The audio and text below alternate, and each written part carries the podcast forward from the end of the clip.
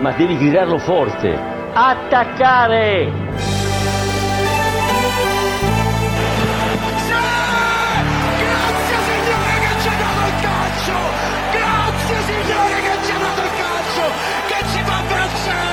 abbracciami Fabio, abbracciami, abbracciami, abbracciami, che ci fa vincere!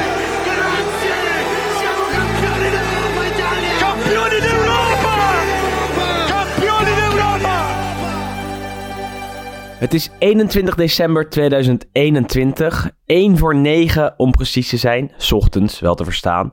En Wesley Victor Mak vanuit Frankrijk en ik, Willem Haak, vanuit Amsterdam, Nederland, zitten er weer klaar voor.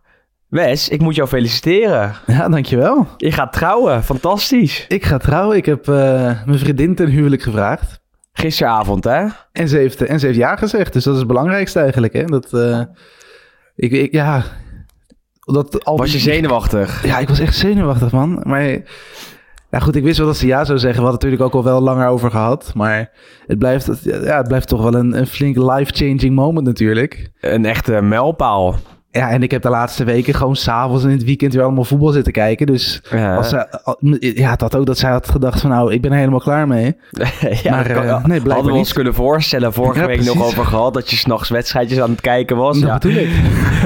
En, en, Nee, en dus dat, eh, nee, ze heeft ja gezegd. Dus ik, heb een, ik had een mooie ring gekocht natuurlijk. Dus ik ben op mijn, op mijn knieën gegaan bij de zonsondergang op een, eh, op een mooi uitzichtspunt hier in de buurt. fantastisch. Dus ik heb mijn romantische kant weer helemaal boven gehaald. En dat heeft ja, de vrucht afgeworpen. Hè? Je, je Italiaanse romantische kant in die Zeker. zin. Hey, eh, en dit betekent dat je nu definitief niet meer van mij bent. Hè? Dat, eh, ik moet je echt gaan delen. Je moet me echt gaan delen, Willem. Ja, ja, ja dat eh, ga ik toch wel aan wennen, denk ik. Maar ik de denk wel dat de podcast blijf ik wel gewoon exclusief met jou doen. Ik denk niet dat het zin heeft om met haar nu Nee, ik wilde net vragen, weet ze veel van Italiaans voetbal? Maar dat, daar moeten we eventjes... te, te weinig naar mij smaak. te weinig, ja, ja, te weinig voor de podcast in ieder geval.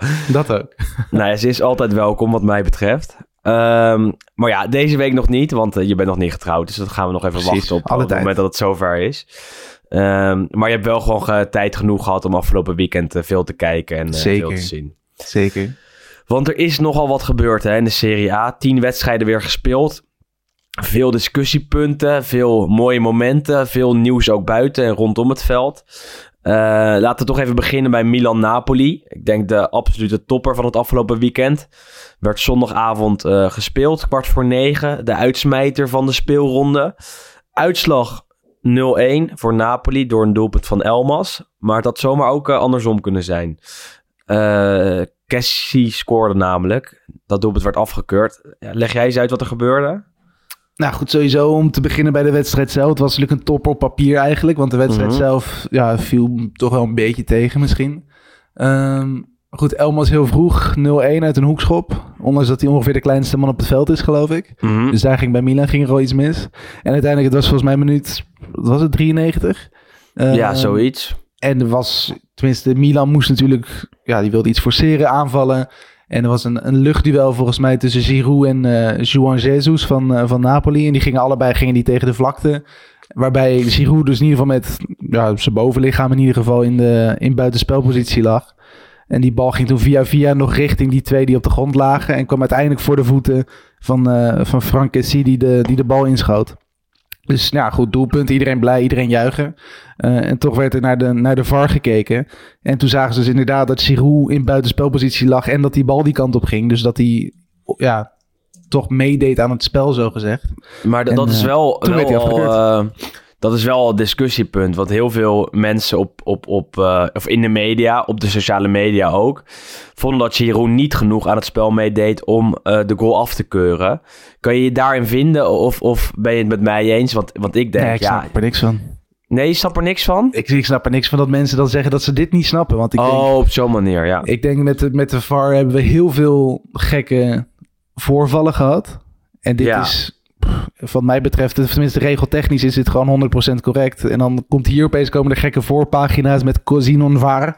ja, Van ja. wat was het, van de Gazzetta volgens mij. Absoluut, ja. Ja, dat, dat snap ik dan niet. Dat dit dan opeens het punt wordt waarop iedereen valt. Terwijl die bal gaat richting Giroud en Juan Jesus. En ja, Mhm. Giroud doet vrij weinig. Maar goed, ja, hij ligt daar wel. Dus en hij beweegt wel. Hij beweegt ook richting de bal. En, en kijk, eh, wat, wat mijn mening is, is dat Jean Jesus, eh, Jesus die, die bal kan nou, wegduwen. Hij, kan er eigenlijk niet veel mee, want hij ligt natuurlijk op de grond. Ehm, maar je weet niet hoe erg Giroud hem hindert. Want, want die ligt wel onder hem. Die ligt eigenlijk liggen ze verstrengeld in elkaar. Giroud maakt een beweging naar de bal toe. Die hindert Jean Jesus toch bij het wegduwen van die bal. Eh, en dan is het denk ik niet aan de scheidsrechter om te beoordelen in, in hoe ver die hem hindert. In hoever uh, Giroud daar in de weg ligt. Want als hij ook maar voor een minuscuul beetje naar die bal toe beweegt, als hij ook maar voor een minuscuul beetje in de weg ligt, ja, dan moet hij hem afkeuren. En zeker als, als de scheidsmassa, uh, was het geloof ik, nou. naar het scherm wordt geroepen. Ja, en hij ziet dat voor zijn ogen gebeuren ja, dan moet hij hem afkeuren. Dit is denk ik waarvoor de VAR is, eerlijk gezegd. Nee, ik vind hem ook vrij duidelijk, maar daarom begrijp ik die hele controverse die de laatste dagen is geweest niet helemaal. Die was er enorm. Um, ook van Milanisti natuurlijk, die, die dacht, ja, dit, dit is super dubieus. Ook uh, snap ik wel dat op het moment zelf, en je ziet dat het gebeurt, dat er wel wat discussie omheen is. Want je, je vraagt je wel af, hè?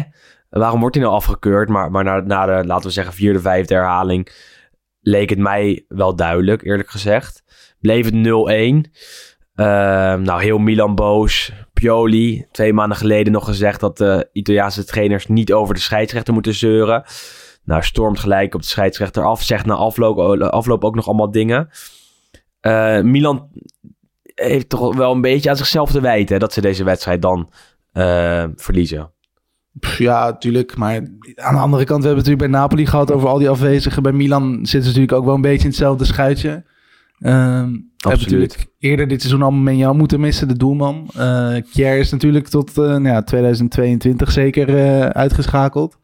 Dus die mist natuurlijk ook wel wat, wat, wat spelers daar in de breedte. Rebic, Leao. Ja, dus het, het, is gewoon lastig natuurlijk deze fase van het seizoen. Op een gegeven moment komen er heel veel natuurlijk blessures bij. Straks de Afrika Cup misschien nog. Um, dus het is niet gek dat de ploegen sowieso iets minder worden. Maar ja, je verwacht ook gewoon zeker op, op basis van het papier en op basis van waar de ploegen op het moment stonden voordat die wedstrijd begon. Verwacht je natuurlijk ook gewoon überhaupt meer van een, een topper tussen Milan en Napoli. Maar die hoop is wel al een beetje weg op het moment dat je die twee basiselftallen ziet, toch? Ja, natuurlijk. Ja. Uh, want Napoli mist natuurlijk ook nog steeds Koulibaly, Ozyman, uh, Ruiz nog geblesseerd, Insigne er niet bij. Uh, nou ja, dan, dan heb je bij allebei de twee elftallen toch wel uh, een flink aantal basisspelers die er niet zijn. Uh, mogen we ze dan wel kritisch benaderen? Of, of zou je zeggen, nou ja, dit, dit is niet het vergelijkingsmateriaal voor ja, met, met, met Atalanta, met, met Inter? Ja, goed, kijk, het is gewoon lastig om, om ploegen in verschillende staten zeg maar, met elkaar te vergelijken. Maar het is denk ik wel duidelijk dat als je de, misschien de afwezige elf bij Milan en Napoli combineert en daar een elftal van maakt, dat dat eigenlijk beter is dan de spelers die, die nu afzonderlijk zeg maar, op het veld stonden. Dus ja het, ja. Het, het, blijft natuurlijk een beetje een lastige situatie, maar uiteindelijk gaat het om een moment en nu, ja, Napoli wint met 1-0 en voor hen is dat natuurlijk uh, goed en Milan moet zich misschien een beetje achter de oren krabben, maar ja, allebei sowieso bezig aan een slechte serie natuurlijk. Milan uh, nou, en ook Napoli stonden allebei gewoon heel ver voor op Inter. En nu zien ze allebei dat Inter er vier punten voor staat. Uh, toch wel een klein klapje in die titelstrijd. Ook weer omdat Napoli nu moest winnen om toch wel echt mee te blijven doen, denk ik. Hè? Anders was het gat misschien al... al zeven punten geweest. Is het dan de laatste kans die ze hebben, hebben gepakt? Of, of zijn we dan weer heel opportunistisch bezig? En dan ben je weer heel opportunistisch bezig.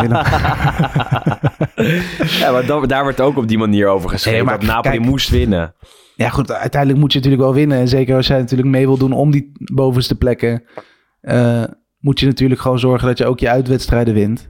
Maar ja, om nou na 18 wedstrijden te zeggen dat dit de do or die was. Of de kampioenswedstrijd, nee, zoals Dries Mertens dat ooit heeft gezegd. In ja, dat, dat heeft hij wel afgeleerd.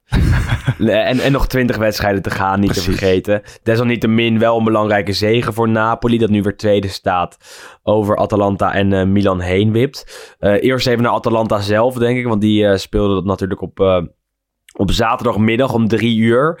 Uh, en daar was in de aanloop naar de wedstrijd nogal wat te doen. Uh, om het shirt van uh, Atalanta dat ze zouden gaan dragen. Want die dragen elk jaar een Christmas shirt voor de Christmas match. Dat was vorig jaar ook met Roma. Uh, en toen was het echt een spuuglelijk, ja, grijsachtig uh, tricot. Dit jaar dacht de shirtfabrikant, nou weet je wat, we maken gewoon de skyline van Bergamo op de onderkant van het shirt. Aan, eh, bij, de, bij, bij de buik, zeg maar. Uh, alleen het bleek niet de skyline van Bergamo te zijn, maar van Turijn. Uh, alle supporters boos van Atalanta. Uh, spandoeken opgehangen bij de, bij de harde kern. En uiteindelijk besloot Atalanta op zaterdagmiddag om dat shirt niet te dragen. En toch in het normale, normaal blauw-zwart gestreepte tricot te spelen. Ja, leidde dan heel erg af van de wedstrijd. Want ze verliezen vervolgens ook nog eens met 4-1. Het is vooral een mooi verhaal natuurlijk. Hè? Ja. En ik zag ook dat een... Volgens, ik, ik weet niet of dat iemand was die uh, uit Bergamo zelf komt. Maar in ieder geval een journalist. Die, die, die was een beetje onderzoek gaan doen naar ook die foto. Of tenminste die, dat plaatje wat ze hadden gebruikt. En het blijkt dus dat dus gewoon de shirtfabrikant van zo'n soort, ja, wat heb je dat, Getty of de, in ieder geval zo'n stokfoto-website. Ja. Uh, dat ze daar dus inderdaad de skyline, een Italiaanse skyline vandaan hebben geplukt. Ze hebben hem in Photoshop hebben ze hem omgedraaid. Iets een beetje samengevoegd dat hij wat ja, compacter was en dat hebben ze erop gezet. Ja. Is toch schitterend. Ik al, die, al die Atalanta-fans woedend. Echt, echt woedend. Want dat er uh, soms een spandoek wordt opgehangen bij een brug. Uh, als een speler uh, iets, iets raars heeft gedaan, ja, dat, dat is iets wat echt wel vaak gebeurt. Maar over een shirt, ja, heb ik eigenlijk nog nooit gezien. Nee, nee, helemaal niet. Ze, ja, maken zich ook druk om alles. En aan de andere kant, goed, Bergamo Skyline. Het is nou ook niet echt iets wat je zegt van... nou, dat is nou inderdaad echt het hoogtepunt van, van Bergamo. Nee, maar goed, nee. ja. Maar jij kan toch wel wat, wat mooie plekjes in Bergamo vinden... die je dan Ja, daarop zeker. afdrukt. En niet dat je een of andere random skyline pakt... en dat het dan ook nog eens Turijn is... wat natuurlijk ook gewoon in Bergamo uh, uh, gevoelig ligt... want Juve is ook daar een van de, van de rivalen. Uh, ze speelden dus gewoon in het normale shirt tegen Roma... Uh, en werden weer een keer naïef weggecounterd. Want het werd 1-4. Uh, ja, het, is het dan de hand van Mourinho dat, dat Roma daar dan goed countert en, en, en weet te winnen? Ja, ik vind het lastig om tegenwoordig nog te zeggen wat de hand is van Mourinho en wat niet. Um, niet te doen, hè, eigenlijk. Nou ja, het is heel wisselvallig natuurlijk ook. Maar was, wel, het was eigenlijk vooral Atalanta wat tegenviel. En um, ja, naïef, want als je ook zag, het was nog eerste minuut, wat was het? Uh, 40, Ja. 50 seconden geloof ja, ik. En ja, je, zeker. zie- je ziet op dat moment, zie je denk ik nog maar twee spelers van Atalanta achter de bal staan. Ja, Om, ik moet wel zeggen, ik was wel redelijk onder de indruk vooral van de Engelsen van, uh, van Roma. ja, Voorin natuurlijk Tammy Abraham, uiteindelijk twee doelpunten. nou, hij Eh, komt er wel bij de Precies op, 20. precies op het moment dat ik natuurlijk vorige week weer heb gezegd dat die Tevez 20 de prullenbak in kan. Zou je altijd zien. Maar ik De was ook onder de indruk van, eh, van, van Chris Smalling achterin. Dat was misschien eigenlijk wel de beste speler op het veld. Tegen Ehm, Zapata is dat echt super knap. Ja, natuurlijk. want Zapata is natuurlijk een van de grootste, sterkste spitsen van de, van de Serie A. Smalling stond eigenlijk heel goed zijn mannetje de hele wedstrijd. En uiteindelijk was hij ook nog belangrijk met, uh, met de 1-3. Um, en een beetje de slimmieuw van de wedstrijd was natuurlijk uh, Cristante. Want die scoorde twee keer in eigen doel. die, die, had heel veel geluk dat die tweede nog werd, uh, nog werd afgekeurd. Maar ja, het was, het, het was echt niet best uh, wat hij liet zien. Maar goed. Bij Atalanta was men ook heel erg boos. Want uh, ze kwamen terug tot 1-2 vlak voor rust. Inderdaad, eigen goal van Cristante. En daarna ook nog de 2-2, begin tweede helft. Uh, die werd afgekeurd. Eigenlijk vanwege buitenspel en hands. dus twee redenen. Uh, alleen Gasperini was daar woedend over hoe dat ging. En die vond dat de scheidsrechter zelf naar de kant had moeten komen en dat had moeten bekijken. Dat gebeurde niet, want uh, het werd gewoon afgekeurd door de VAR omdat het buitenspel was. Gasperini, ooit nog een keer gentleman genoemd, hè? Hier ja, dat was, dat was, een fout. Dat was een fout. was het van jou? Nee, was Isaac, toch? Of waren jullie het allebei? Ik weet niet. Dat, volgens mij had ik het een keer gezegd uit een soort... Uh, reflex. Reflex, nee, maar meer, want ik, dat was volgens mij toen rondom, dat, een paar jaar geleden, toen had je natuurlijk Papu Gomez en Petagna bij, uh, bij Atalanta spelen. Dat waren dikke maatjes en die hadden toen zo'n soort gala georganiseerd. En daar had ik toen de speech gezien van Gasperini en daar kwam hij echt oh. super ja, gentleman-esque ja, over, ja. zeg maar. dus ik, heb het, ik, had dat, ik had dat toen genoemd. En goed, Isaac die zit natuurlijk al veel langer in Italië. En die ziet natuurlijk ook ieder interview en iedere poep en iedere scheet die, uh, die Gasperini laat. En die heeft hem wel eens gezien in een, in een restaurant in, uh, in Turijn, volgens mij. Ja. Dus die wist uh, iets beter hoe de, nou, de vork in de, hoe zeg je dat? De, de steel in de, vork, in de, steel zat. Dus uh, nee, geen gentleman. En, maar goed, op zich, ook, ik snap het discussiepunt op zich bij deze wel. Want ja, het is voor de beeldvorming is het gewoon, denk ik, als scheidsrechter heel slim om gewoon af en toe even naar die, naar die monitor te lopen langs het veld. Um, en zeker natuurlijk bij van die momenten die belangrijk zijn voor een wedstrijd, openingsdoelpunt, gelijkmaker, winnende goal. Ehm, kan er denk ik geen kwaad. Al is het maar inderdaad voor de beeldvorming. En weet je van tevoren al of je hem gaat goedkeuren of afkeuren. Maar ga, ga daar gewoon even staan. Dan weten de fans hebben dan het idee. Nou, die scheidsrechter is gaan kijken. Uh, maar de, schei de scheids is er toch niet voor de beeldvorming? Nee, tuurlijk niet. Maar als dat, als dat kan helpen. Ik bedoel, je hebt nu dus de discussie dat hij niet is gaan kijken. Goed, als hij wel was gaan kijken, had je misschien niet gehoord. Dus zo simpel als dat eh, al een oplossing kan zijn, door gewoon af en toe iets vaker naar dat monitortje toe te lopen. Ik vind dat prima. Ik vind dat Gasparini echt zijn mond moet houden. Dat vind ik vooral ja, nee, dat eigenlijk. Ook, maar... dat, dat is, elke keer als hij verliest, wordt hij een soort volksmanner. Gaat hij bij de camera's van Dazon een, een hele uh, preek houden over dat de scheidsrechters het slecht doen. Dat hij altijd uh, nou, wordt, wordt genaaid uh, met, met zijn Atalanta. En dat er altijd wel iets is wat verkeerd is. En, en, en ja, nogal irritant vind ik dat eerlijk gezegd. Want je verliest ook met 1-4 van Roma. Um, en laat gewoon een, je, je, team slecht spelen. En elke keer als Gasperini dan verliest, dan gooit hij het op de scheidsrechter. Wat dat betreft vind ik het dan ook absoluut geen uh, gentleman. En denk ik ook van ja, kom op man. Uh, Zo'n dubieuze beslissing is het ook niet. Want het was en buitenspel en hens. Dus hoe dan ook was die goal afgekeurd. Waarom ga je dan uh, bij de camera van Dazon weer vertellen dat er zoveel mis is. Terwijl uh, het eigenlijk gewoon een uh, terechte beslissing is. Dat, dat, dat snap ik gewoon niet helemaal. En dan kan ik me voorstellen dat zo'n scheidsrechter op een gegeven moment ook denkt: ja, meneer Gasperini. Je hebt het echt tegen me en je, je geeft ons ook niet de kans om het, om het normaal te doen en normaal aan te pakken.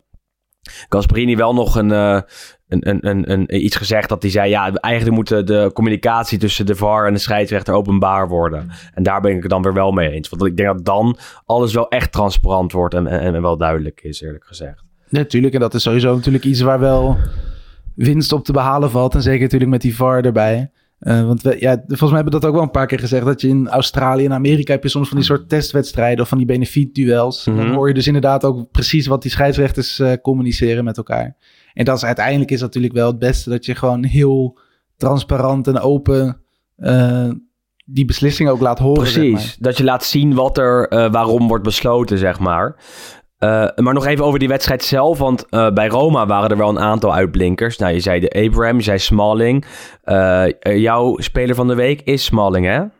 Ik heb toch voor Tammy Abraham oh, gekozen. toch voor Abraham gekozen. Je kon niet kiezen. Nou ja, goed. Een beetje voor ja, preken voor eigen parochie is dat Ja, absoluut, ja. Um, nou ja, ik, ik, ik moet sowieso zeggen hoor. Ik ben, ondanks dat hij nog niet, hal, niet eens halverwege de Tammy's 20 is... ben ik wel toch best wel onder de indruk van hem bij, bij Tijd en Wij. Hij is natuurlijk niet... Um, dus doelpuntrijk, belangrijk genoeg geweest. Maar ook wel met assist natuurlijk heel vaak paal en lat geraakt. Um, je ziet wel dat hij echt wel iets teweeg brengt bij Roma. Um, dus wat dat betreft vind ik ja, dat, hij, dat hij gewoon een heel prima eerste seizoen draait. En uh, ja, ik heb dan toch maar besloten om hem dan mijn speler van de week te maken. En hij is echt beslissend, hè? Dat is ja, ook nu, nu zeker. En nu zeker. Ja, eerste minuut natuurlijk. En uiteindelijk schiet hij ook de, de 1-4 binnen. Um, en dat, ja, goed. Heeft natuurlijk in Europa een paar, uh, paar doelpunten gemaakt. Dus daardoor gezorgd dat, dat Roma gewoon eerste werd in de, in de pool. Dus hij heeft echt wel zijn steentje bijgedragen. Um, en het is natuurlijk wel een feit dat doorgaans elke spits onder Mourinho doet het vaak best wel goed. -hmm, absoluut. En uh, die laat het ook zien. En nou ja, bij Inter was het Milito. Bij, uh, in Engeland nou, een aantal spitsen die ook onder hem zijn, zijn uitgeplonken. Kane heeft het ook fantastisch gedaan eigenlijk onder Mourinho bij Tottenham. En ik denk dat Abraham op deze manier uh, in hetzelfde rijtje gaat thuis horen. Want hij is steeds vaker beslissend. Is naar qua kwaliteiten natuurlijk gewoon dynamisch. Steeds doeltreffender. En past denk ik ook echt in de Serie A. Uh, en zeker als hij dan ook nog eens een goede Zaniolo naast zich heeft. Uh, kan het wel een mooi duo worden.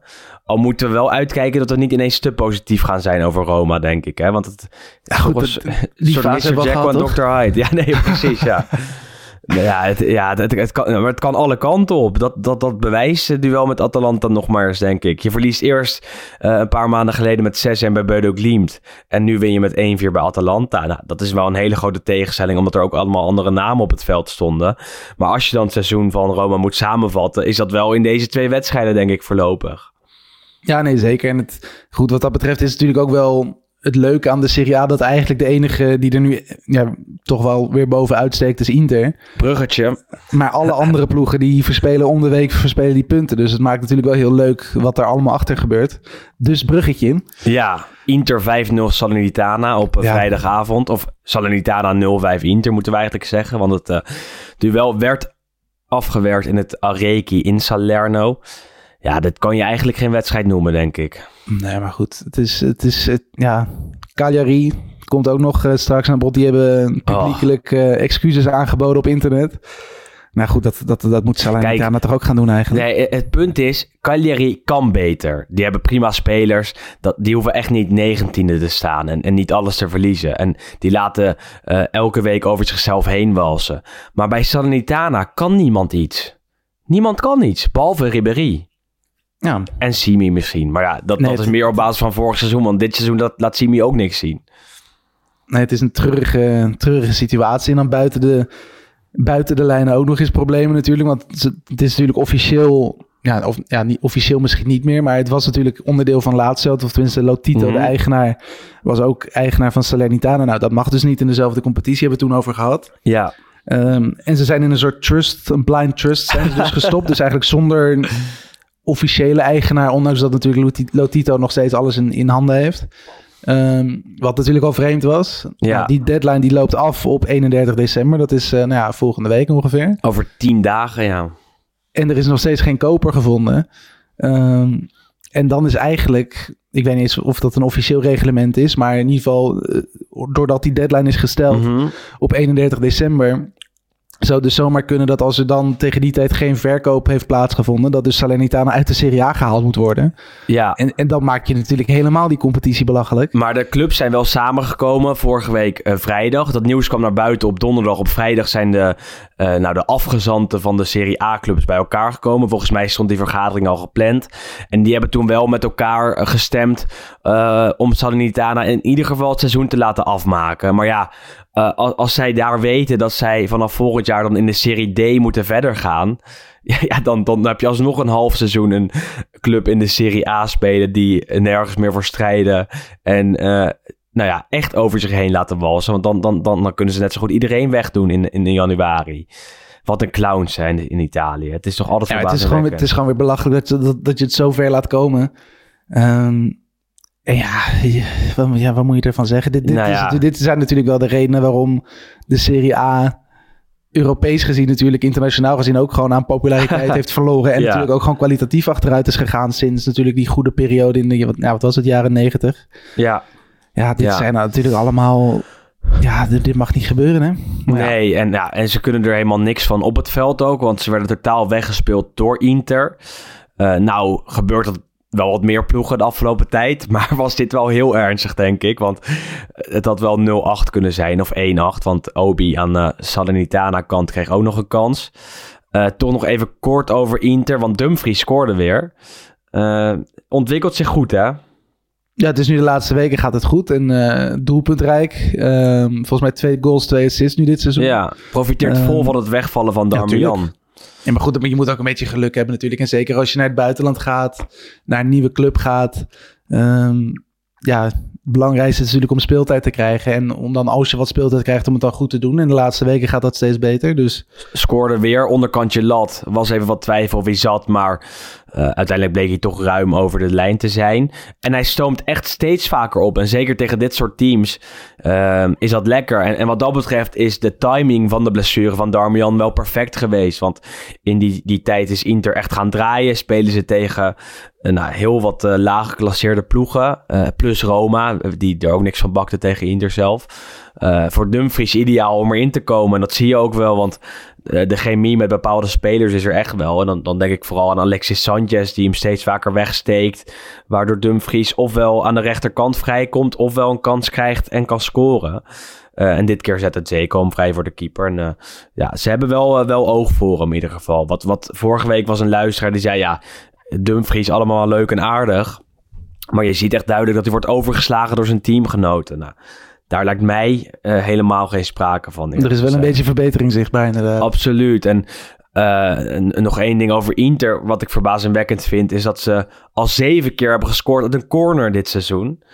Eh, is dat dan de verdienste van Cananoglu? Dat hij is gekomen en, en dat heeft veranderd? Want in de Gazzetta zeiden ze ook dat er een, een soort uh, uh, door de spelsituatie coach is aangetrokken die dat allemaal heeft veranderd. Ja, goed, dan zou ik het aan hem uh, ja, nou, ik denk, toeschrijven, toch? Ik denk echt meer aan Cananoglu eerlijk ja, goed, het is natuurlijk een combinatie. Ik denk met, met, met corners, hoekschoppen, vrije trappen, dat soort zaken. Um, je hebt eigenlijk twee of drie dingen nodig. Je hebt één een speler die een goede trap heeft, zodat hij die bal eigenlijk kan leggen waar hij wil. Nou, dat heb je met Chalan ook nu. Ja. En twee, moet je weten, als spelers die voor, de doel, voor het goal staan van wat de looplijnen zijn en wat de afspraak is. En dan uh-huh. moet je zorgen dat er goede koppers staan. Die, en die staan er. Dus die staan er ook. Dus het is natuurlijk wel een beetje een combinatie van factoren. Maar het is wel opvallend natuurlijk ook sowieso hoe goed Chalanoglu draait. Ja, dat is ehm, niet normaal. Zes goals, acht assists. Ja. Hij is nooit zo goed geweest bij Milan. Als ik Milanista zou zijn, zou ik heel jaloers zijn. ja, ja, maar dat is toch zo? Want het is echt verbazingwekkend. Ik vond Cialanoglu bij Milan nooit zo beslissend. En nu zie ik hem een half seizoen bij Inter. Uh, en is hij uh, dwingend. niet alleen met de dode spelsituaties, ook uit open spel. Met zijn schoten, maar ook met zijn paasjes. Want hij zette Alexis Sanchez ook vrij voor de keeper. En die kon ook afmaken. Ehm, en dat was niet alleen tegen Sanitana het geval, maar ook in de afgelopen wedstrijden waarvan ik echt dacht, jeetje, dit is, uh, dit is iemand die uh, de schoenen van Eriksen steeds beter kan vullen. En dat had ik aan het begin van het jaar absoluut niet gedacht, want uh, Nolu werd natuurlijk absoluut wel gehaald als vervanger van Eriksen. En als we dan toch even over Eriksen hebben.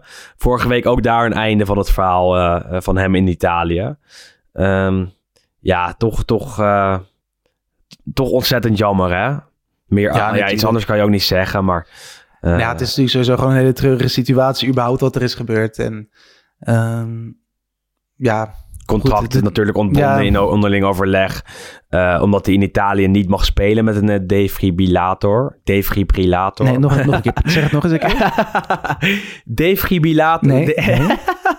nee. zeg jij het maar, Wes. Defibrillator. Defibrillator. Ja. Ja, dat is goed zo. Uh, maar dat mag ja, in Italië niet. Dat, dat, wat, ja, op zich, het is ook een beetje een gekke regel misschien. Uh, zeker omdat Italië volgens mij een van de weinige landen is waar dat dus een probleem is, blijft, blijkbaar. Mm -hmm. um, maar goed, ja, uiteindelijk, ik denk dat het vooral voor Eriksen belangrijk is dat als hij inderdaad nog wil sporten en nog wil voetballen en dat nog steeds wil doen. Wat hij uh, schijnt te willen trouwens. Wat hij wel schijnt te willen, inderdaad. Uh, ik denk dat nu voorlopig de eerste jaren is gewoon belangrijk om het ook een beetje rustig aan te doen. En, ja, ik word zo moe van, van, van al die geruchten rondom hem. En dat werd ik het afgelopen jaar ook al. Uh, zodra er iets werd gezegd dat Eriksen niet in Italië mocht voetballen, doken er gelijk allemaal uh, Ajax-media uh, bovenop uh, om te zeggen: Oh, dan kan hij wel naar Ajax komen. En daar is absoluut nog geen sprake van. Um, voor, vooralsnog gaat Eriksen in Denemarken trainen bij zijn oude club, bij Odense. En vanuit daaruit kijken wat hij waar kan gaan doen.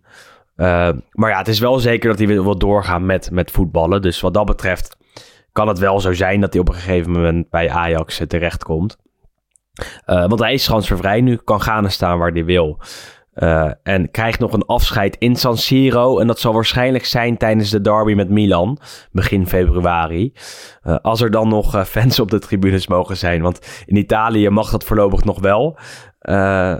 maar langzaam maar zeker stijgen de cijfers ook daar. Dus wat dat En daar komen ook weer nieuwe regels, geloof ik. Hè? Want het is nu mag je alleen volgens mij naar binnen met die Super Green Pass. Ja. Dus dat is dat je uh, alleen als je gevaccineerd bent of zo'n herstelbewijs hebt. Dus testen heeft dan ook al, mag dan ook al niet meer, geloof ik. Uh. En er komt nu zelfs nog bij dat ook al ben je gevaccineerd of ook al heb je zo'n herstelbewijs, dat je dan ook nog eens een sneltest moet doen. Dus dan zit je helemaal dubbel op. Maar dat is waarschijnlijk pas vanaf ja, februari dan waarschijnlijk. Maar het, uh, het wordt niet makkelijk gemaakt voor uh, de liefhebbers van het calcio in ieder geval. Nee, nee, nee, nee. In die zin dat je al bijna denkt, ja, daar wil ik ook helemaal niet meer heen voorlopig. En dan maar kijken. Aan de andere kant heb ik vorige week al gezegd dat mijn twee tripjes in februari al gepland staan. Dus wat dat betreft is het te hopen dat iedereen dan is geboosterd en we toch weer kunnen. Ehm, even langs de andere potjes, hè, Wes, denk ik. Want Bologna, ja, was misschien wel iets beter tegen Juve, maar verloor wel met 0-2. Nou ja, beter. Het was vooral uh, niet zichtbaar eigenlijk. In de zin dat het letterlijk niet zichtbaar was vanwege alle mist. Eh, het was weer zo'n klassieke... Ja, ieder jaar hebben die een keer volgens mij in de Serie A. Zo'n Ja. wedstrijd waar het gewoon zo gigantisch mistig is. Meestal is dat, is dat Bergamo eigenlijk, of Milaan. En Sassuolo ook, volgens mij. Sassuolo gebeurt ook wel eens inderdaad. Maar nu, ja, nu Bologna, het was... eh, ik zei van tevoren, ik ben er niet rouwig om. Dan hoef ik het tenminste niet helemaal te bekijken. Ja, precies. Nee, maar het is eh, uiteindelijk... Bologna is de, volgens mij de slechtste ploeg ooit tegen Juventus eh, intussen. Eh, of in ieder geval zeker tegen Allegri. Want ze hebben volgens mij van Allegri nog nooit gewonnen. Ehm Mihailovic nog nooit gewonnen van Allegri. Dus eh, ja, van tevoren kun je hem bijna invullen dat Juve daar wint. En het spel was inderdaad niet fantastisch. Maar eigenlijk van beide kanten niet. En of dat nou met een mis te maken had of met iets anders. Maar gevoelsmatig waren er in de hele wedstrijd misschien vier kansen. Twee voor Juve en twee voor Bologna. En die Ja. van Juve gingen erin en die van Bologna niet. En dat was eigenlijk, dat was eigenlijk een beetje de samenvatting van het, eh, het zakelijke, zakelijke overwinning voor Allegri. Eh, hoe kan En het goed, het, enige, het enige wat je kunt zeggen is dat nu eindelijk eh ja, Juve dus wel wat ja, beter omging met de kansen. Wat natuurlijk het hele seizoen een beetje een probleem is, doelpunten maken. Morata steeds efficiënter, hè? Ja, nu volgens mij derde uitwedstrijd op rij dat hij scoorde. Bernardeschi de laatste week opeens allemaal assist aan het geven. Dus er, ja, er zit wel iets van verbetering in. Maar ja, om nu te zeggen dat dit weer een ploeg is die naar, echt naar boven kan kijken. Dat, dat durf ik echt nog niet te zeggen. Het zegt genoeg dat Bernardeschi daar nog steeds heel veel speeltijd krijgt, denk ik.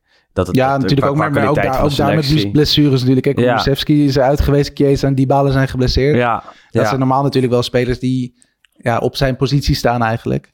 Ehm, En hij doet het best aardig. Dus wat dat betreft helemaal niet verkeerd om hem nu eh, eh, daar achter de hand te hebben. En hem af en toe te laten spelen. Ehm, bij, bij Juve zit er toch wel iets, iets, iets rondom de selectie. Want eh, Mino Raiola heeft de afgelopen week, ik denk, drie interviews gegeven. eh, waarbij hij telkens zegt dat Matthijs de Ligt gaat eh, vertrekken aankomende zomer. Eh, de Ligt heeft een clausule van 150 miljoen euro in zijn contract staan. En volgens Raiola is de Ligt toe aan een nieuwe uitdaging. Werkt het dan jouw irritatie op? Want de Ligt natuurlijk twee seizoenen niet fantastisch geweest. Dit jaar wel. Je had nog een tweetje eh, afgelopen eh, zondag, denk ik, zaterdag. Waar je Zaterdag. zei, zaterdagavond, ja, waarin je zei... nou ja, misschien wel de, de, de, de, de komende aanvoerder op deze manier. Nou ja, dan krijg je daarna die interviews van Raiola. Ja, goed, weet je, maar ik, ik heb sowieso met zaakwaarnemers, die moet je vaak niet al te, al te serieus nemen. En zeker natuurlijk met Raiola, die is natuurlijk echt wel een, een, een koning in het, ja, hoe zullen we het noemen? Eh, creëren van, van chaos. En daar, daar gaat hij natuurlijk heel goed op. Maar ik denk niet dat Matthijs de Ligt eh, voor minder dan 150 weg mag. Want goed, hij heeft Maar- inderdaad die clausule, dus waarom zou hij niet ja, voor dat bedrag weggaan? En Maar niemand gaat neerleggen, ploegen- nee, ja. precies, dat is wat ik wil zeggen. Ik denk dat er weinig ploegen zijn die op dit moment zoveel geld achter de hand hebben voor, voor Matthijs de Ligt. En, en is dat dan te wijten aan Matthijs de Ligt of meer te wijten aan de coronasituatie? Maar misschien een beetje een combinatie van, eh, van, van allebei. Ehm, maar goed, wat, wat, wat ik dus inderdaad afgelopen zaterdag zei. Hij doet dit seizoen gaat het heel goed. En ehm, ja, hij heeft eh, vooral ook in die interviews maakt hij, maakt hij indruk. Ik zag van de week ook een interviewtje met Stefan de Vrij in vloeiend Italiaans. Ja, Ehm, nou goed, Matthijs de Ligt is eh, tegenwoordig van hetzelfde niveau. zit er wel Ehm, minder lang. Zit er minder lang, maar het, het is eigenlijk vooral het zijn, wat hij zegt. En dat is natuurlijk wel wat natuurlijk bij hem bij Ajax ook al eh, toen de tijd zo was. Dat hij praat natuurlijk wel als aanvoerder. En er staat wel echt Ja, iemand. En hij weet wel ja. wat hij moet zeggen. Ja. Ehm, en dat deed hij eigenlijk afgelopen weekend. Deed hij het ook heel goed voorafgaand aan die wedstrijd, geloof ik. Of, of na afloop. Eh, want het ging over de ja, problemen van Juve tegen de kleinere ploegen. Dat daar vaak punten tegen worden vers, eh, verspeeld. En er werd ook gezegd van hoe kan het? Is dat een mentaliteitsprobleem? En toen zei Matthijs van ja, hoe kun je nu een mentaliteitsprobleem hebben? ja, ik ik kom op, speel man. altijd om te winnen. Als je een mentaliteitsprobleem hebt, dan ben je gewoon niet geschikt als profvoetballer. Nee, terecht en, ook en, dat, en Ja. dat is iets wat natuurlijk heel goed is gevallen eigenlijk bij de, bij de fans die dat allemaal hebben gezien. Want dat is inderdaad eindelijk iemand die toch een beetje durft te zeggen waar het op staat. ja. Ehm, en ja, goed, de eigenlijke aanvoerder is natuurlijk Dybala dit seizoen. Met daarachter Chiellini en Bonucci, zo- ja, als die fit zijn. Mhm. Ehm, en dat zijn toch wel types, zeker natuurlijk Bonucci en Dybala, die verbaal misschien niet de allersterkste zijn. Ehm, dus wat dat betreft zou je zeggen, nou Matthijs de Ligt alleen op basis van, van zijn interviews zou het al verdienen. Maar goed, dan moet hij er nog wel blijven, blijven Dan moet spelen hij, natuurlijk. moet hij niet vertrekken aankomende zomer, nee. Maar ik begrijp hem wel. Stel, stel hij zou Ja. nog een stap hogerop willen zetten. Begrijp ik hem wel dat hij na drie jaar Juve, waarin Juve natuurlijk niet fantastisch goed is geweest, ehm, een stap wil gaan zetten. En, en, en, en dat hij toch nog, kijk, City, eh, Bayern, Paris Saint-Germain, Real zijn wel stuk voor stuk ploegen die, die, die op de ranglijst van clubs op dit moment beter zijn dan Juve. Uh, en, en die dat ook zouden kunnen betalen. Niet 150 miljoen, maar die wel een serieus bod zouden kunnen neerleggen bij Juve. Dan begrijp ik de licht wel dat hij op een gegeven moment denkt: ja, misschien wil ik wel een nieuwe uitdaging en het ergens anders proberen waar ik wel de Champions League kan winnen en waar ik wel uh, uh, bij de absolute elite hoor. En begrijp me niet verkeerd, want Juve schurkt er tegenaan. Uh, maar het hele Italiaanse voetbal is natuurlijk wel ehm, van mindere kwaliteit dan, dan, dan, ja. dan, die andere absolute wereldtopteams. Ja, goed. En aan de andere kant, weet je, kijk, voor mij ik, ik kan nu op dit moment niet zoveel met die geruchten wat ik zeg. Nee, dit is gewoon natuurlijk een beetje zijn strategie. Dat doet hij bij iedere speler. Dit hebben we, het hele circus bij Pogba natuurlijk ook al twaalf keer gezien. Bij Haaland, bij iedereen. Dus zo, zolang Matthijs. Ligt... ja, precies. Dus zolang Matthijs de Ligt zelf niet zegt van... hé, hey, ik ben inderdaad toe aan iets anders. Ik heb, hier, ja, ik heb het hier wel gehad, weet je. Pff, Nee. Dit hoort er gewoon bij, bij, bij de strategie van Raiola. En dit is natuurlijk ook... want dat stond vanochtend in de Toetosport... Dat, uh, dat Juventus op dit moment van plan is om het contract van de licht te verlengen tot 25. Dus weet je, het is natuurlijk ook allemaal een spelletje eigenlijk. Hè? Even in de gaten houden en misschien houdt hij er wel een dikker contract aan over en dan is iedereen tevreden. Al hij is al de best al, betaalde Hij is al de best betaalde speler, volgens mij van de hele Serie A Ja, zelfs klopt. op dit moment. Uh, Fiorentina Sassuolo op uh, zondagmiddag half één. Zonnetje scheen in Florence. De Curva Fiesole volgepakt en daarachter zie je dan ook de daadwerkelijke Fiesole. Uh, prachtige nummers, prachtige sfeer. Toen dacht ik, oh, daar wil ik zijn. Da daar, Ja. daar, moet, daar moet ik zijn eigenlijk. Maar ja, En dat zijn zit wel de toch weer momenten waarop je denkt, emigreren. Ja, god, dan zie je die foto's en de filmpjes en dan ga je die wedstrijd kijken en dan denk je ook, nou ja, het is toch heerlijk als je in Florence woont.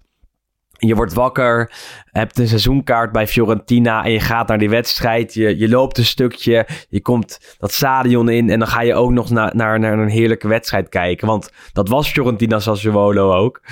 Ja, dat, dat uh, heel erg jaloersmakend. Uh, als Fiorentina supporter zat je dan de eerste helft eigenlijk niet goed. Want het uh, werd al snel 0-2 voor Sassuolo.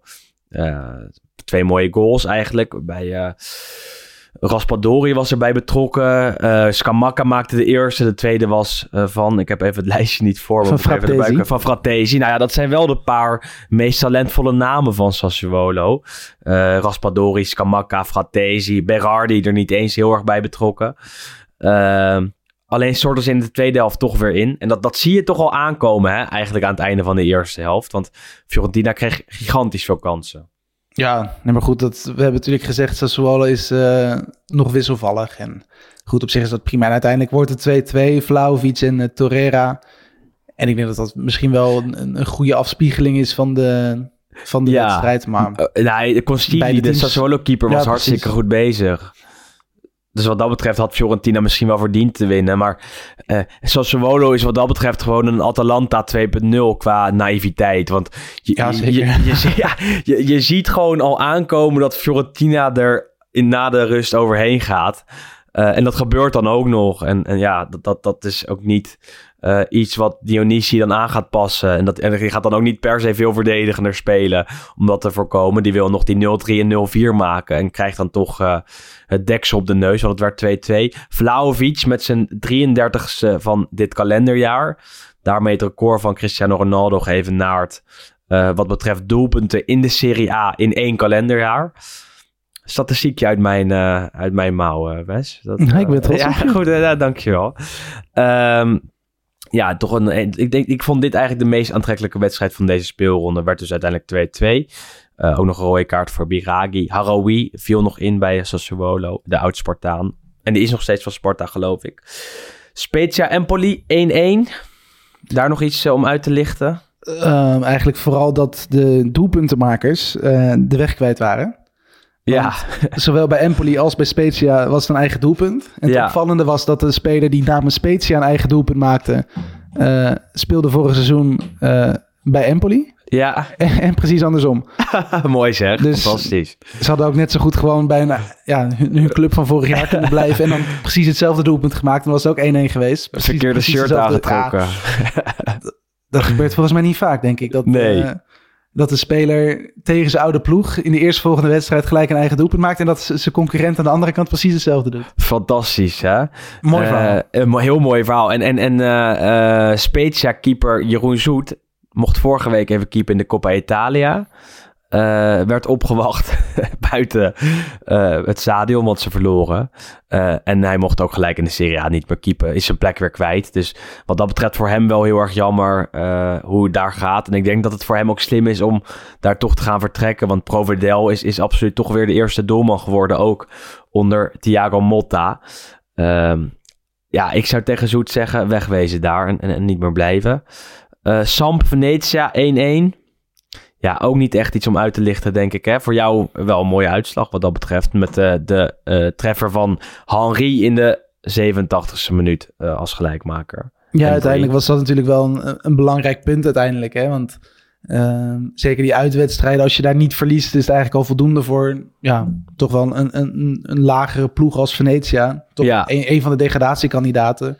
Eigenlijk iedere punt, ieder punt dat je meepakt uit een uitwedstrijd is, is meegenomen. Ehm, en zeker, het is natuurlijk wel mooi als dat ook nog eens in de 87e minuut gebeurt door een hele goede goal. Ja, het was Eh. echt een hele, hele mooie goal. Hij krult hem fantastisch in de, in de verre hoek. Nee, de Belgische kijkers die hebben natuurlijk, eh, nou, wat is het, bijna anderhalf jaar geloof ik bij, bij Leuven gezien. En toen schoot hij ook de ene na de andere binnen. Ehm, en dit was nu een, eh, zijn derde in de, in, de, in de Serie A. Dus Henri heeft nu Henri geëvenaard. Want, Ja, ja, eh, ja. Thierry, die speelde natuurlijk eh, ja, niet veel eigenlijk bij, bij Juve. Toen in, ja, was dat 99? Zoiets, 98, ja. 99. Die scoorde drie keer, volgens mij twee keer tegen Lazio en één keer tegen Venetia. Ehm, en goed, daar staat hij nu al op gelijke hoogte. Dus ik neem aan, volgend weekend eh, staat hij erboven. Goed bezig, op deze manier wel in ieder geval. Eh, het werd 1-1. Kandreva viel toch weer op. Die, die scoorde nog bijna de 2-1 in de laatste seconde. Die bal werd van de lijn gehaald door Caldara. Oh ja, en Caldara is trouwens nog wel iets wat, eh, wat misschien nog wel een puntje kan worden natuurlijk door die blessure van Kier bij Milan. Ja. Dat Caldara dan terug moet. Absoluut. Ehm, en dan is natuurlijk ook bij Venetië weer een beetje puzzelen. Want die hadden juist met Caldara nu wel echt een vaste basisspeler centraal achterin eh, binnengehaald. Eh, ze hebben toen volgens mij twee weken terug tegen Juventus speelde die opeens met Modolo. En dat is ook wel een mooi verhaal. Dat is een beetje een soort, ja, hoe noem je dat? Een, een, een oude rot. Die zit al Ja. bij, eh, sinds de Serie D geloof ik, speelde die, speelt hij bij Venetië. Dus die heeft Serie D, Serie C, Serie B en nu Serie A dan gespeeld. Fantastisch. Ehm, alleen die zat dan afgelopen weekend opeens weer niet dan bij de groep. Dus het, het is een beetje Puzzelen. puzzelen wat dat betreft eh, voor eh, Zanetti, de trainer van Venetië. Dus het is eigenlijk vooral hopen dat Milan dan ook wel die huurovereenkomst zo respecteert van... hé, hey, jullie Ja, hebben maar gehuurd. Ik- begrijp ze daar. wel. Ik begrijp ze Ja, wel. tuurlijk, want ze hebben echt absoluut een centrale verdediger Absoluut. nodig. Die gaan ze ook niet op 1 januari al kunnen halen, denk ik. Dus wat dat betreft is Caldara een prima noodoplossing. En, en dan eh, eh, kunnen ze in die tijd kijken wie ze er nog bij gaan halen. En daar wordt, zoals eerder al gezegd, eh, Bodman genoemd. Maar ook wat andere namen. Eh, Luis Felipe van, van Lazio, Milenkovic van Fiorentina. Dus Milan gaat zeker de transfermarkt op. Torino 1-0 tegen Verona, ook nog op zondag. En we komen zo nog even bij twee andere potjes die eh, we nog niet hebben behandeld hoor, van zaterdag en van vrijdag. Geen zorgen, Genoani eh, en fans van Udinese en Laziali enzovoort. Ehm, maar eerst even Torino-Verona. Eh, want Paul Bega wordt meer en meer speler om in de gaten te houden, denk ik, aan de Torino-kant. Wordt ook gehuurd van Milan. Nou ja, als je dan Milan bent, zou ik hem ook gelijk maar terughalen misschien. Ja, als je dan toch bezig bent. eh, Toch? Als je toch iedereen terugraapt. Ehm, elke week goed, wel beslissend daar. het is een groot talent. En hij heeft vorig seizoen natuurlijk... eh, eigenlijk zijn eerste Serie A-seizoen was dat bij, bij Spezia. Deed, deed hij het goed. Ehm, aardig wat doelpunten gemaakt. En opgeroepen voor de nationale ploeg zelfs, geloof ik. eh, zat, zat hij bij de selectie. Ja, zo'n Eh, stage volgens mij. Ja, een beetje zo'n stage, een snuffelstage. Maar hij doet het, doet het inderdaad goed. En het was een beetje een dramatische minuut voor Verona. Want die kregen volgens mij in de 25e minuut kregen die rood. Na Ja. de ingrijpen van de VAR voor eh, Gian Giacomo Magnani. Goeie En, eh, naam. Een minuut later ja, sta je 1-0 achter. En dan... Is voorbij. En dan Dan gaat het Juric ook voorbij. verdedigen. Want voor de rest heeft Torino ook niet heel veel meer gedaan. En eh, nou ja, de Juric won dus van zijn oude team. Voor hem als trainer natuurlijk wel mooi om dat, eh, dat te doen. En ja, die teams die eh, ontlopen elkaar ook niet veel. Ook niet op de ranglijst. Want nu kon Torino over Verona heen springen. Staan nu tiende. Absoluut mooi om, om te zien en mooi om in de gaten te houden. En dat is ook wel ongeveer de plek waar Torino hoort. En waar ze de afgelopen jaren stevast niet hebben gestaan. Want ze streden telkens tegen degradatie. We mogen nu omhoog kijken, want uh, maar drie puntjes achter Lazio en uh, ja, Juve maar zes punten daarvoor. Uh, Lazio Genoa op vrijdag werd 3-1. daar viel vooral de paas van Luis Alberto op, hè, die als bankzitter begon, inviel en gelijk maar twee keer een assist leverde, waardoor 2-0 en 3-0 kon worden. einduitslag uiteindelijk 3-1. Um, nieuws bij Lazio is wel dat Sarri met iedereen overhoop ligt. Ja, classic hè? Ja, dat is niet normaal. Want Milinkovic-Savic schijnt ook niet met Sarri door één deur te kunnen. Luis Alberto speelt weinig. Lazzari, uh, hetzelfde verhaal. Die wil ook vertrekken mogelijk in de winter. Nou ja, dat zijn wel stuk voor stuk namen die het bij Lazio uitstekend kunnen doen. En, en eigenlijk basisspeler zouden moeten kunnen zijn. Ja, toch een botte ho uh, hork. Nou, het is gewoon, hij, hij heeft een heel uh, ja, specifiek idee natuurlijk over hoe voetbal in elkaar zit. Alleen, het begon natuurlijk eigenlijk al uh, toen hij werd aangesteld. Volgens mij een van de eerste dingen die hij zei, ja, Milinkovic, Savic en Luis Alberto kunnen niet samenspelen. Terwijl die, dat, ja, die waren oh, de afgelopen drie, vier seizoenen waren die jaren het beste middenveld van Italië. Dus ja, daar begonnen natuurlijk al. En uh, ja, Luis Alberto natuurlijk regelmatig nu op de bank de laatste weken.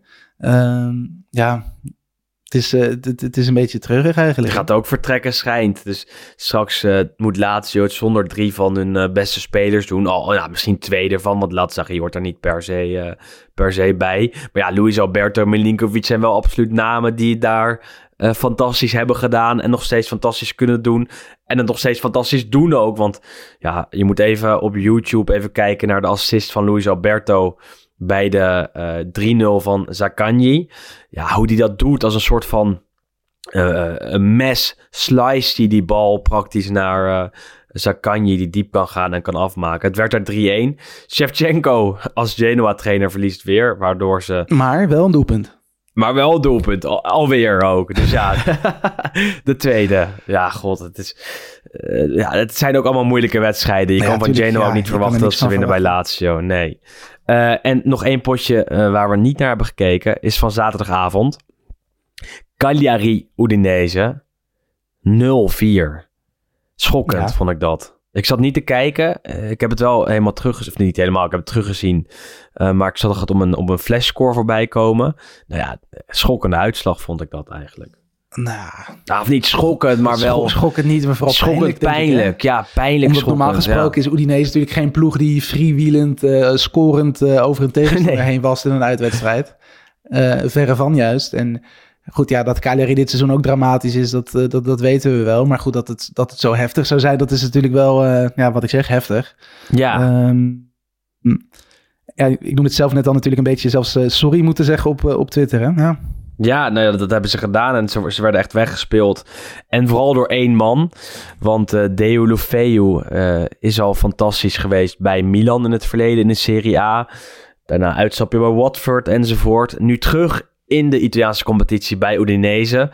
Uh, al wel een tijdje hoor, niet, niet, niet, niet overheen kijkend. Maar is dit jaar echt wel weer heel erg beslissend. En, en dit was misschien wel zijn beste wedstrijd van het seizoen. Uh, eerst een prachtige soort knucklebal, een vrije trap waarbij hij hem op het ventiel raakt en uh, die, ja, die over de muur uh, en na die muur direct naar beneden gaat, waardoor hij het, het net raakt en kon scoren. En daarna nog de 0-4, want nou ja, de 0-3 van Molina was fantastisch. Maar ik vond de 0-4 van uh, misschien wel nog mooier. Hij komt naar binnen, krult hem prachtig in de verre hoek. Canjo, vorige week tegen Inter nog fantastisch. Ja, deze week niet, want kon, kon niks doen. En Deulofeu scoorde, waardoor het 0-4 werd. Uh, Cagliari, ja, daar zijn alle alarmbellen aan het afgaan. Want ze gaan nu op Gitiro. is dat dan de ja, oplossing? Tuurlijk, tuurlijk, dat is altijd de oplossing, toch? Ja, toch. En, en, en vanaf dan gaan ze punten pakken. Dat is uh, de belofte natuurlijk. Maar ja, die, die serie... Die, nee, het was grappig, want het was... Ja, ja nee, jij eerst. Oh nee, nee wat was, ik, zaterdag, ik zag dus inderdaad dat, dat tweetje voorbij komen. Maar normaal gesproken heb je van die soort... Uh, ja, bij Real Madrid is dat dan, wat is de communicade official? Uh, dus ik dacht dat dat gewoon het, het, het, het, plaatje was. Want je zag het logo in zo'n soort blauw-rood uh, achtergrondje. Ik dacht dat is het, het, het, het, het, bericht dat Matsari is ontslagen als trainer. Ja. Uh, maar niet. Er stond alleen maar Nee. Scusateci van eh, vergeef ons. Ja, en verder niks. Ik want, ging nou eigenlijk ja. al vanuit dat wat anders was. Maar ja, Ja, precies. want Dat moet ook bijna wel als je thuis met 0-4 van Udinese verliest. nee, daarom. Dus ik dacht, eh, nou... Gebeurde niet. Maar ja, die, die, die drie onderste ploegen eh, zijn weer heel erg slecht allemaal. Dat zijn Salernitana, Cagliari en Genoa. Hebben in totaal 28 punten. En dat is een record, gedeeld met het seizoen 2016-2017. En toen stonden Palermo, Crotone en Pescara onderop. Nou schat ik Genoa en, vooral Cagliari wel wat hoger in. Maar ja, het is wel een, echt een teleurstellend aantal punten. In, in de drie... eh, in de periode dat je drie punten voor een overwinning eh, kreeg natuurlijk. Dus Nou. dat is eh, ongeveer 20, eh, 20, 30 jaar. Ja, god, hebben we alle potjes hebben we toch weer besproken. Is het eigenlijk tijd om terug te blikken en zo meteen nog even vooruit te blikken op, eh, op de Serie A speelronde van eh, deze midweek. Nou, maar we kijken vanavond alweer, eerst, ja, van vanavond alweer. Ehm, ja, laten we Zeg dat eigenlijk eerst even doen. Zullen we dat we- eerst doen? Laten we dat even, even toch een beetje chrono- chronologisch. Want we hebben een column van uh, Juriaan van Wessem natuurlijk over het eh, afgelopen jaar. Over het EK, waarop Italië natuurlijk eh, fantastisch presteerde en die beker mee naar huis nam. Maar eerst hebben we nog een midweekse Serie A speelronde, eh Wes. Laten we daar eerst even naar kijken. Ja, god. eh, wil je er erover zeggen? Ja, niet, niet veel, want er zijn weinig prachtige wedstrijden eigenlijk. Waar ga jij voor zitten? Ja, ik ga vanavond wel even zitten voor Juve natuurlijk. Die mogen ook tegen Cagliari. Dus met nou, een, be- met een beetje geluk wordt het, eh, ja, gaat Juve een keer met meer dan twee doelpunten verschil winnen. Ehm, en we beginnen vanavond eigenlijk gelijk alweer met een discussiepunt Udinese Salernitana. Eh, Salernitana, daar is- blijkt dus één speler positief getest te zijn van de week. Eh, en toen is gelijk die hele ASL, dus de GGD van eh, Salerno in dit geval, in de buurt van Napels. Waar we toen natuurlijk het hele akkefietje Napoli-Juventus hebben gehad. Die zijn weer volledig in de stress geschoten. Dus die hebben Ja. gezegd, jongens, jullie mogen niet afreizen naar Udine. Dus dat eh, duel vanavond om, eh, om half zeven staat nog op losse schroeven. Een beetje Schijnt wel door te er, eh, gaan. Ja, maar goed, een beetje afwachten wanneer die mensen, die, die gasten uit Salerno überhaupt daar aan kunnen komen. Mhm. Ehm, dus dat is nog even een beetje afwachten. Ehm, en verder, ja, morgenavond Venetië, of ja, morgenmiddag is dat. Hè? Dat, vind ik, dat vind ik wel fijn, Ja, middagwedstrijden. Oh, ja, het valt me nu pas op, ja. ja. Prima. Sassuolo Bologna ook half vijf. Nou, Niet, echt, niet echt vriendelijk voor de, voor de fans op de tribunes. Nee, maar goed, ja, het, het mogen toch amper fans zijn, joh. En nu zit er bij Sassuolo toch ja, ja, 75% in Italië nog. Ja, Dat haalt Venetia wel. Sassuolo bij lange na niet. Dus vandaar dat ze Sassuolo om half vijf hebben gezet. Of die nou om, om half negen 's ochtends spelen of om half negen 's avonds. Er zit toch geen hond op de tribune. Dan maar half vijf. Ehm, Inter Torino half zeven. Roma Samp is wel leuk om te kijken. Roma Samp, een wedstrijd met een verleden natuurlijk. Eh, Sampdoria in het seizoen 2009-2010 eigenlijk hoofdverantwoordelijk voor de downfall van Roma. Roma zevende af op de titel, maar verloor ineens van eh, Sampdoria door twee doelpunten van Pazzini. En toen werd Inter kampioen en eh, een huilende Max 6 op de bank na afloop van die wedstrijd, want hij had wel door dat dat een belangrijke nederlaag was in eh, de strijd om die Scudetto. En Empoli-Milan om eh, kwart voor negen s'avonds op eh, de woensdag is ook wel leuk, denk ik. Waarbij Empoli, wie weet, wel kan gaan verrassen. Mag ik dat zeggen? Ja, nou goed. Als je al van Napoli en van Juve hebt gewonnen. Nee, de reuzendoder ben je dan. De reuzendoder ben je dan, ja. Zo is het. En dan tegelijkertijd is Napoli Spezia.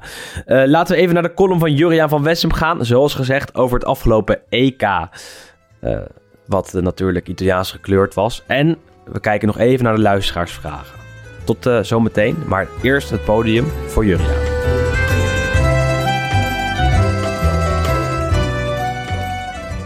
Het jaar 2021 blijft vooral het jaar van Euro 2020.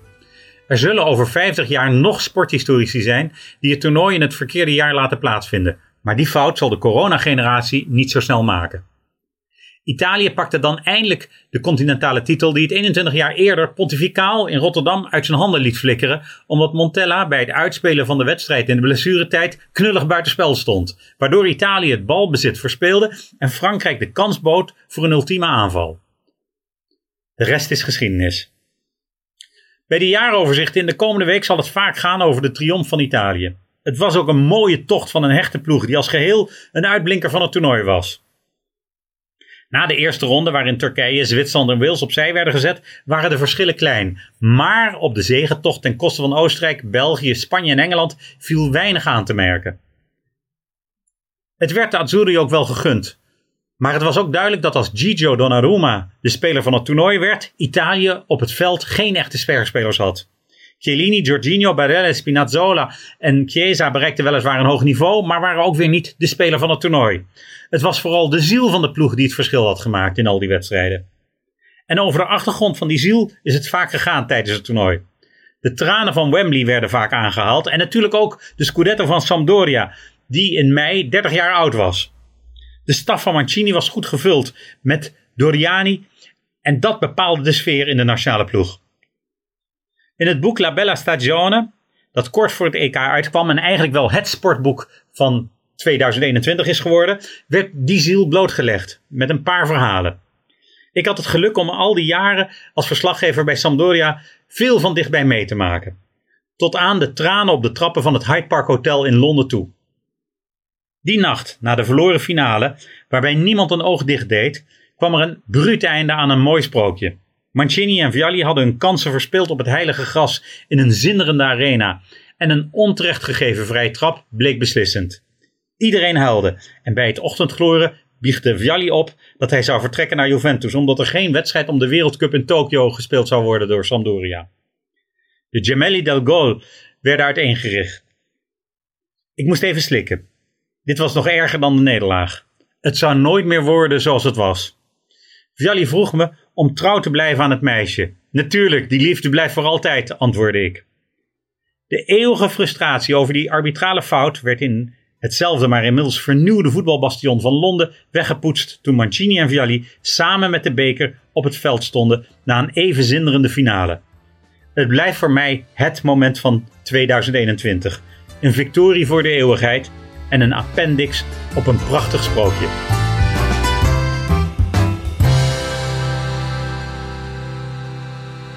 Ik weet me nog een podcast te herinneren, Wes, dat jij zei dat je blijer uh, was als Italië een uh, internationale beker zou pakken dan als dat bij Nederland zou zijn gebeurd. Ben je eigenlijk de gracht ingesprongen na de EK-winst van Italië? Ik, ik zat toen ook in Frankrijk toevallig. Oh. Uh, dus ik ben, ik ben wel het zwembad ingesprongen, dat wel. Nou, dat is fantastisch. Dat, dat is al goed genoeg voor me. Dus wel de, wel de echte fan geweest natuurlijk. Hey, we hebben natuurlijk niet echt een hele grote terugblik gehad op dat, op dat EK. Nee. Want we zijn eigenlijk gelijk bij die Serie A ingedoken. Um, maar dat was ook nog, want wij zaten dus in Frankrijk en we hadden heel slecht internet.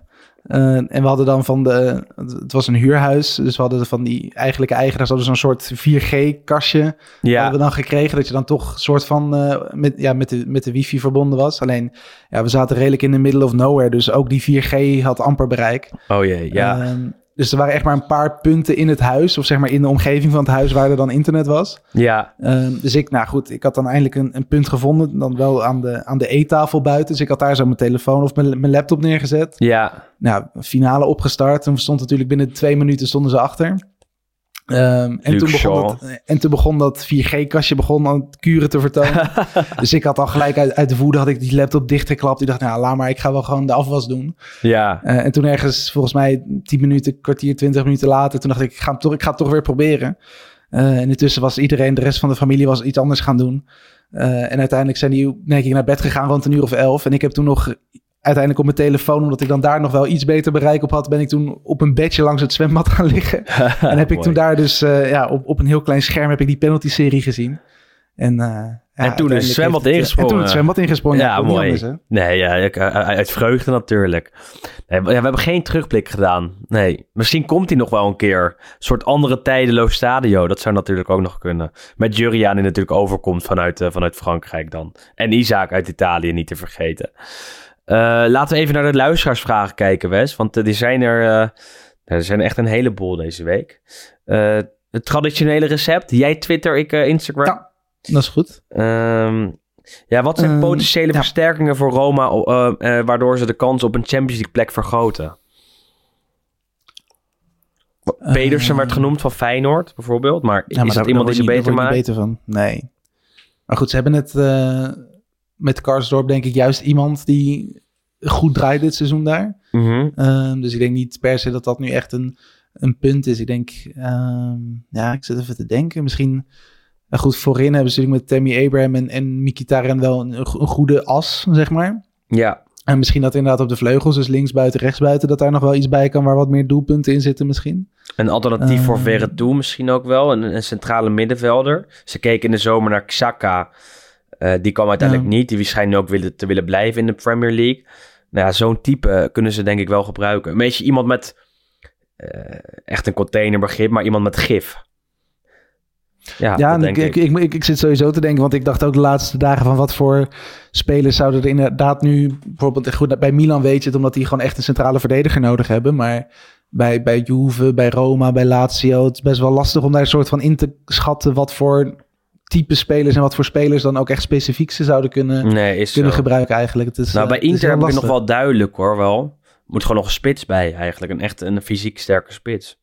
En een centrale middenvelder. En die schijnen er misschien ook allebei te komen. Maar ja, dat is eh, kost voor later, want dat zijn alleen maar geruchten. Jij wat Twitter vragen? Yes, even kijken. Ik kreeg van Björn Hendricks, eh, die eh, zei Inter had tussen 2012 en 2007 een slechte periode, zowel sportief als financieel. En eh, dat kwam natuurlijk, was een beetje een vicieuze cirkel. Ehm, of wij ook bij Juve, omdat die nu natuurlijk ook sportief in ieder geval slecht gaan. Ehm, als ze nu bijvoorbeeld weer geen, of tenminste weer geen, als ze geen Champions League zouden halen, of er dan ook zo'n periode aan zou komen waarin het over een langere termijn sportief en financieel slechter gaat. Nou, kijk, wat natuurlijk een beetje het geval was bij Inter, dat zij ook in een transitiefase zaten wat betreft eh, een overname. Moratti wilde de club verkopen, dat wilde hij eigenlijk al een paar jaar. Eh, dus die investeerde niet heel veel meer. Heeft hij de jaren daarvoor al genoeg gedaan ook trouwens. Eh, hij verkocht de club aan, aan Erik Tohier. Nou dat verhaal is, is niet interessant genoeg om nu lang te vertellen. Maar Inter bleef maar overgaan van, van, van eigenaars. En, en onder Tohier wist men ook niet eh, hoe wat waar te investeren. En bij Juve is er helemaal geen sprake van een, een transitie in, in, in, in een overname. Eh, de familie Agnelli is al eh 100 jaar de baas. Die zullen dat vast en zeker blijven. Waardoor er heel veel rust is rondom Juve op bestuurlijk niveau. Waar, en waardoor ik denk dat er altijd een goed plan ligt. waardoor ze toch weer in die top kunnen geraken. Dus ik denk dat het, dat het toch een hele andere situatie is dan bij Inter destijds, eerlijk gezegd. En ze hebben nu natuurlijk afgelopen week is die kapitaalsverhoging weer eh, doorgevoerd. Ehm, en ik, ik weet niet of we dat vorige week ook hadden gezegd, maar dat is niet per se eh, gratis geld tussen aanhalingstekens waar ze lekker de transfermarkt mee op kunnen. Maar dat is vooral ook gewoon om de, de coronaverliezen een beetje te dekken. Dus het is niet dat, eh, dat ze nu opeens iedereen die of alles wat los en vast zit kunnen kopen. Maar goed, dat is natuurlijk ook wel een van de grote voordelen met een groot bedrijf als Exor eigenlijk daarachter. Dus dat het in ieder geval financieel zal nooit zo slecht gaan dat ze inderdaad, eh, ja, Sport- pre- precies. ja, goed, zo, zo slecht zal het niet zijn. Maar goed, er zal in ieder geval deze winter moet er al eigenlijk geïnvesteerd worden. En dat is dan wel een probleem, omdat ze eigenlijk eh, nog veel spelers op de loonlijst hebben staan waar ze niks mee kunnen.